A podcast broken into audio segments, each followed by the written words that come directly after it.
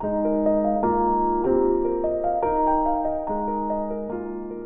hai, selamat pagi, selamat siang, selamat malam, atau apa pun keadaannya, di mana pun kamu berada, semoga kamu selalu sehat ya. Karena kamu harus siap, sebentar lagi kita bakal ngebahas hal-hal yang menyenangkan seputar ekonomi di Podpek, Podcast Pendidikan Ekonomi.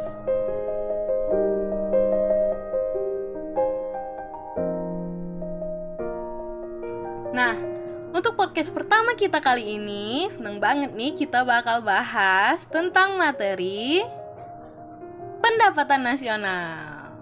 Yang mana materi ini akan di breakdown menjadi beberapa submateri, yaitu yang pertama, pengertian pendapatan nasional, yang kedua, metode perhitungan pendapatan nasional, dan yang ketiga, manfaat perhitungan pendapatan nasional. Yuk, langsung aja, gak perlu lama-lama, kita masuk ke submateri yang pertama yaitu pengertian pendapatan nasional.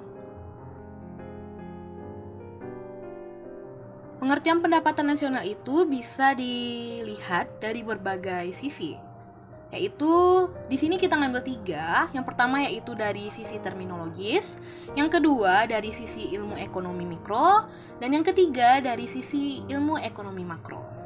Nah, kalau dari sisi terminologisnya, pendapatan merupakan suatu uang atau penghasilan yang diterima oleh seseorang maupun badan usaha, baik itu dalam bentuk sewa, upah, bunga, laba, tunjangan, dividen, hadiah, dan lain sebagainya. Sedangkan jika ditinjau dari ilmu ekonomi mikro, pendapatan itu merupakan aliran penghasilan dari penyedia faktor-faktor produksi. Nah, jika ditinjau dari analisa ekonomi makro, pendapatan itu merupakan penghasilan nasional suatu negara. Nah, walaupun dari tinjauan berbagai hal tadi, disimpulkan juga pendapatan ini merupakan penghasilan yang diperoleh siapa pun, baik itu dalam bentuk apa pun.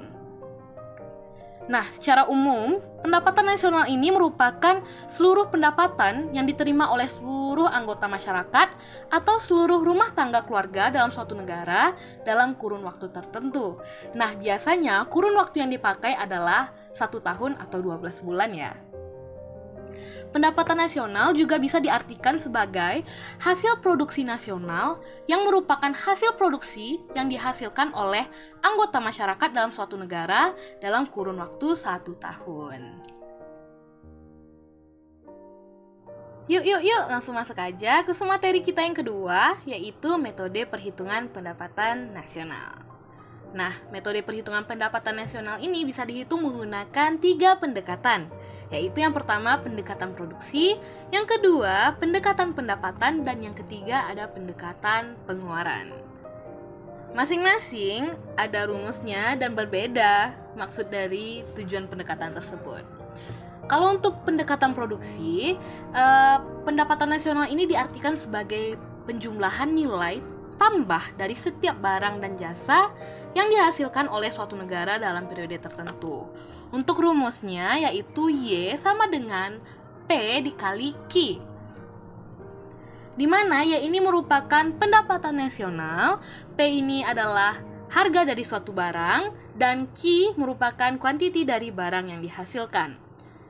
Loh, terus kalau misalnya barangnya ada banyak gimana? Ya, tinggal ditambah aja. Caranya tetap sama. Misalnya nih, Y sama dengan P1 dikali Q1 untuk barang 1 ditambah P2 dikali Q2 untuk barang 2 dan seterusnya. Jadi caranya tetap sama, bedanya kalau misalnya barangnya ada banyak, ya kita tinggal tambahkan saja.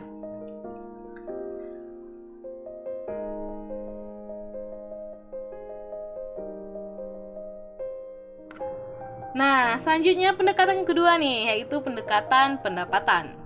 Pendekatan pendapatan nasional ini menghitung jumlah pendapatan yang diterima oleh pemilik faktor produksi yang digunakan untuk memproduksi barang dan jasa yang ada di suatu negara dalam suatu periode tertentu. Secara matematis dapat dirumuskan sebagai berikut ya caranya. Y sama dengan R ditambah W ditambah I ditambah P. R itu merupakan pendapatan bersih dari sewa, W merupakan pendapatan dari upah, gaji, dan lainnya, I merupakan pendapatan dari bunga, dan P merupakan pendapatan dari keuntungan perusahaan dan perusahaan perseorangan. Lanjut, yang ketiga yaitu ada pendekatan pengeluaran. Pendekatan ini menggunakan pendapatan nasional e, untuk menghitung jumlah pengeluaran seluruh pelaku ekonomi baik di dalam negeri maupun di luar negeri selama satu periode tertentu. Secara matematis dapat dirumuskan sebagai berikut yaitu Y sama dengan C ditambah I ditambah G ditambah dalam kurung X dikurang M tutup kurung. Oke. Nah, maksudnya tuh gimana tuh? C itu merupakan consumption atau konsumsi konsumsi rumah tangga ditambah I atau investment investasi yang dilakukan selama periode tersebut lalu ditambah G atau pengeluaran pemerintah lalu ditambah dalam kurung ekspor dikurang impor Nah, gampang banget kan ya caranya, apalagi udah dijelaskan kayak gitu. Pasti semuanya bisa ngerjain kalau misalnya ketemu soal. Nah, selain hal-hal perhitungan tadi, kita juga harus tahu loh beberapa hal yang harus dihitung gitu loh dalam pendapatan nasional kita. Apa aja? Yuk, kita langsung cek. Nah, yang pertama itu ada namanya produk domestik bruto atau GDP. GDP itu adalah Gross Domestic Product. Bahasa ekonominya ya. Nah, GDP ini apa sih? GDP merupakan jumlah total barang dan jasa yang berhasil diproduksi oleh unit-unit ekonomi di dalam negeri atau domestik dalam satu periode yaitu satu tahun. Barang dan jasa yang diproduksi oleh badan usaha asing di dalam negeri juga termasuk ke dalam GDP. Nah, cara perhitungan GDP ini gampang banget, gampang banget, yaitu caranya adalah GDP sama dengan pendapatan masyarakat dalam negeri ditambah pendapatan asing dalam negeri. Jadi intinya GDP ini menghitung semua pendapatan yang ada di dalam negeri, baik itu pendapatan masyarakat kita sendiri maupun pendapatan asing yang ada di dalam negeri ini. Oke, lanjut yang kedua yaitu ada produk nasional bruto atau GNP. Bahasa ekonominya merupakan gross national product. Merupakan total jumlah produk baik barang maupun jasa yang diproduksi oleh masyarakat suatu negara dalam satu periode tertentu. Nah, yang mana produksi ini termasuk di dalamnya yang dihasilkan oleh warga negara itu sendiri maupun uh, pengusaha Indonesia yang beroperasi di negara lain. Jadi GNP ini lebih kepada perhitungan produk yang dihasilkan oleh warga negara Indonesia, baik itu dia bermukim di Indonesia maupun bermukim di negara lain. Cara menghitungnya bagaimana? Gampang banget. Caranya yaitu pendapatan masyarakat di dalam negeri ditambah pendapatan uh, masyarakat di luar Nah, lanjut yang kedua nih yaitu produk nasional bruto atau GNP. Bahasa ekonominya adalah gross national product. Nah, gross national product ini adalah total jumlah produk baik barang maupun jasa yang diproduksi oleh masyarakat suatu negara di dalam satu periode waktu tertentu lah ya. Uh, baik itu di dalam negerinya maupun di luar negeri. Jadi intinya GNP ini ngitung semua pendapatan warga negara baik itu dia bermukim di Indonesia misalnya ya atau di luar negeri Uh, untuk rumusnya seperti yang udah dibilang tadi dong ya, berarti GNP sama dengan pendapatan masyarakat dalam negeri ditambah pendapatan masyarakat Indonesia di luar negeri. Lalu yang ketiga yaitu ada produk nasional neto atau NNP. Bahasa ekonominya yaitu net national product.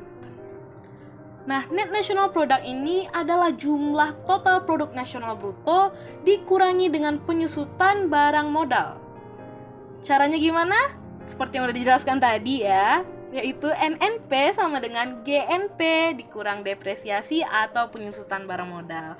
Penyusutan itu apa sih? Penyusutan itu merupakan penggantian barang modal bagi peralatan yang digunakan untuk kegiatan produksi. Lalu yang keempat ada namanya pendapatan nasional neto atau NNI, bahasa ekonominya net national income yaitu adalah pendapatan yang dihitung berdasarkan jumlah balas jasa yang diproduksi oleh masyarakat pemilik faktor produksi. Rumusnya yaitu NNI sama dengan NNP dikurang pajak tidak langsung. Yang kelima nih, ada pendapatan perseorangan atau PI, bahasa ekonominya yaitu personal income. Personal income ini merupakan jumlah total pendapatan yang diperoleh oleh masing-masing orang dalam masyarakat, termasuk penghasilan yang didapatkan tanpa harus bekerja. Misalnya PNS yang mendapatkan uang pensiun. Nah, untuk da perhitungan di perse uh, pendapatan perseorangan ini menggunakan pengurangan untuk transfer paymentnya Transfer payment ini merupakan semua penerimaan yang bukan dari hasil balas jasa produksi, tapi diambil dari pendapatan nasional tahun sebelumnya. Misalnya dana pensiun, tunjangan pengangguran, dan lain-lain. Jadi, cara untuk menghitung personal income ini merupakan uh, caranya yaitu yang pertama NNI dikurang pajak perusahaan, dikurang iuran, dikurang laba ditahan dan ditambah transfer payment. Yang terakhir yang terakhir yaitu ada pendapatan yang tidak dibelanjakan atau disposable income. Disposable income ini apa? Disposable income ini adalah penghasilan yang sudah dikurangi dengan pajak langsung sehingga dapat dibelanjakan atau disimpan dalam bentuk investasi. Pajak langsung adalah pajak yang tidak bisa dialihkan kepada pihak lain. Misalnya adalah pajak penghasilan. Nah, rumus untuk menghitung uh, disposable income ini gampang banget yaitu caranya PI dikurang pajak langsung. Jadi kalau bisa dibilang sih makin ke bawah, urutan untuk menghitungnya itu makin ke atas gitu caranya. Gitu deh. Semoga paham ya. Oke, akhirnya kita masuk ke yang terakhir yaitu manfaat perhitungan pendapatan nasional. Tentu aja dong, semuanya ada manfaat dari semua yang kita lakukan. Apalagi ini perhitungan pendapatan nasional kita. Yang pertama yang kan kita bahas yaitu untuk mengetahui tingkat kemakmuran suatu negara. Nah, udah jelas dong ya, perhitungan pendapatan nasional ini bisa mengetahui tingkat kemakmuran suatu negara karena ketika kita ngitungnya pendapatan nasional suatu negara itu semakin besar, bisa kita nilai gitu kan, semakin makmur juga suatu negara tersebut. Lalu yang kedua yaitu ada mengevaluasi kinerja perekonomian dalam skala tertentu. Yang ketiga, mengukur perubahan perekonomian dari waktu ke waktu. Yang keempat, membandingkan kinerja ekonomi antar sektor. Yang kelima, sebagai indikator kualitas hidup suatu negara. Yang keenam, sebagai indikator perbandingan kinerja ekonomi antar negara. Yang ketujuh, sebagai indikator perbandingan kualitas standar hidup suatu negara dengan negara yang lainnya. Yang kedelapan, sebagai ukuran perbandingan pertumbuhan ekonomi dari waktu ke waktu. Yang kesembilan, sebagai ukuran dan perbandingan pertumbuhan ekonomi dan kekayaan antar negara. Wow, ternyata manfaatnya itu lebih kepada kemakmuran atau perbandingan antara tahun sebelumnya ataupun dengan negara yang lainnya. Jadi bisa dibilang perhitungan pendapatan nasional ini penting banget buat dilakukan ya. Oke, kayaknya segitu aja. Cukup singkat pembahasan kita kali ini. Semoga bermanfaat. Sampai ketemu lagi di podcast selanjutnya. Salam ekonomi.